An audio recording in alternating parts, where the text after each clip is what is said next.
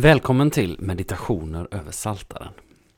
Tanken med de här inspelningarna, eller den här podcasten om man så vill, är att utifrån en vers ifrån Saltaren i Gamla Testamentet säga något litet som förhoppningsvis får bli till inspiration eller uppbyggelse eller fördjupning för dig som lyssnar. Alltså en vers ifrån Saltaren, några ord utifrån den versen och så en smula stilla musik. Varmt välkommen att lyssna.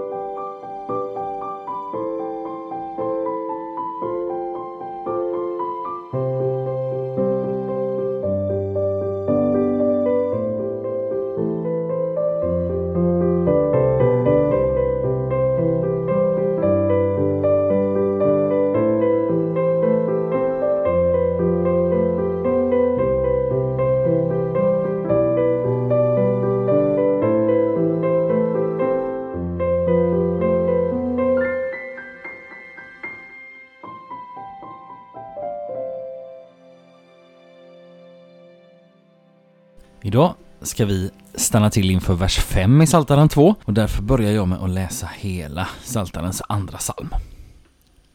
Varför är folken i uppror? Varför detta gagnlösa mummel? Jordens kungar reser sig och furstarna gaddar sig samman mot Herren och hans smorde. Vi sliter sönder deras band och kastar av oss deras bojor. Han som tronar i himlen ler, Herren ser på dem med löje. Nu talar han till dem i vrede, han skrämmer dem i sin harm. Jag har invigt min konung på Sion, mitt heliga berg. Jag vill berätta vad Herren bestämt. Han sade till mig, du är min son, jag har fött dig idag. Be mig, så ger jag dig folken som arv och hela jorden som egendom. Du ska krossa dem med en spira av järn, slå sönder dem som lerkärl. Konungar, besinna er, ta varning, ni jordens härskare. Tjäna Herren i fruktan, hylla honom i bävan. Annars vredgas han, och ni går under, ty hans vrede kan lätt blossa upp. Lyckliga de som flyr till honom. Och vi stannar till idag inför, som sagt, den femte versen i denna psalm, som lyder så här. Nu talar han till dem i vrede. Han skrämmer dem i sin harm. I den förra versen, Saltaren 2, vers 4, fick vi till oss om Gud att han som tronar i himlen ler. Herren ser på dem med löje. Här i Saltaren 2, vers 5 stannar vi till inför att Gud talar till dem i vrede. Han skrämmer dem i sin harm. Guds uppmärksamhet är i dagens vers, precis som i den förra, riktad mot folken, vers 1, och jordens kungar och furstarna, vers 2. Det vill säga folk och ledare som är i uppror mot Herren och hans smorde, vers 2. Men Guds reaktion i dagens vers är annorlunda hans reaktion i den förra. Här i Psaltaren 2, vers 5 får vi höra att Gud är vred. Och detta med vrede och Guds vrede, är inte alldeles enkelt. Men det är vad dagens vers handlar om och beskriver. Guds vrede beskrivs på flera ställen i Bibeln och har då inte sällan att göra med att vi människor gör sådant som vi får höra om också här i Saltarens andra psalm. Uppror mot Gud och hans ordningar. Det är viktigt att komma ihåg att Guds vrede alltid har en anledning. Vi människor kan i vår nyckfullhet försöka styra och dominera andra med humör och temperament, men sån är inte Gud, för han är inte nyckfull. Vi människor kan på biblisk grund tala om Gud som ett mysterium eller som outgrundlig. Se till exempel vad Paulus skriver i Romarbrevet 11, vers 33-35. Men Gud är inte nyckfull. Hans vrede har alltid en anledning. Ett intressant faktum är dock att fastän Gud är vred så talar han. Det är inte sällan som mänsklig vrede resulterar i tystnad, i utfrysning eller i passiv aggressivitet. Men sådan är inte Gud. Han talar till människor trots vreden. Och det han talar är ordet, alltså Jesus.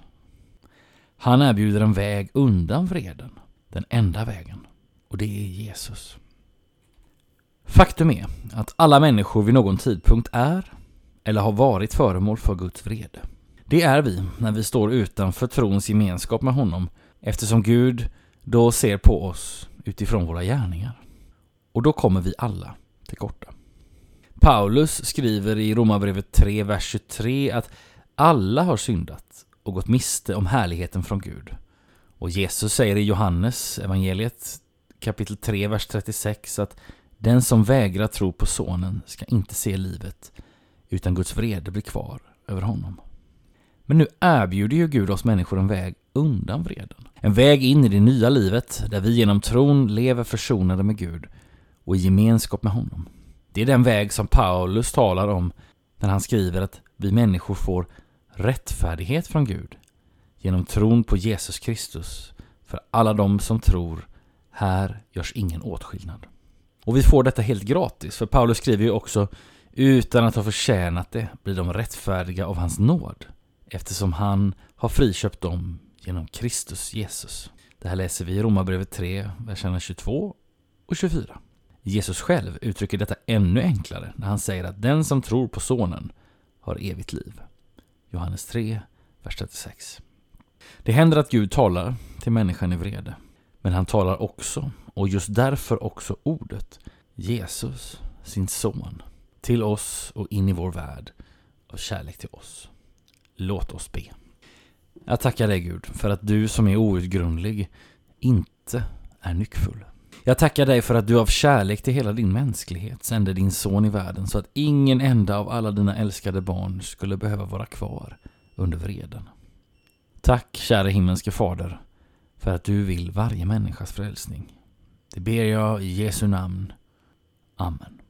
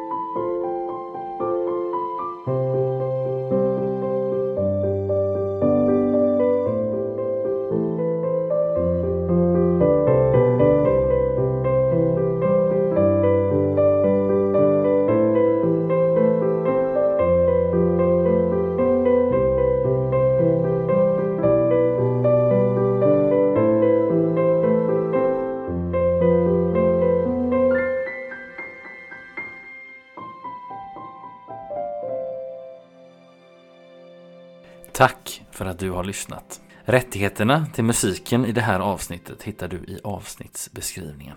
Tills vi hörs igen önskar jag dig allt gott och Guds rika välsignelse. Hej då!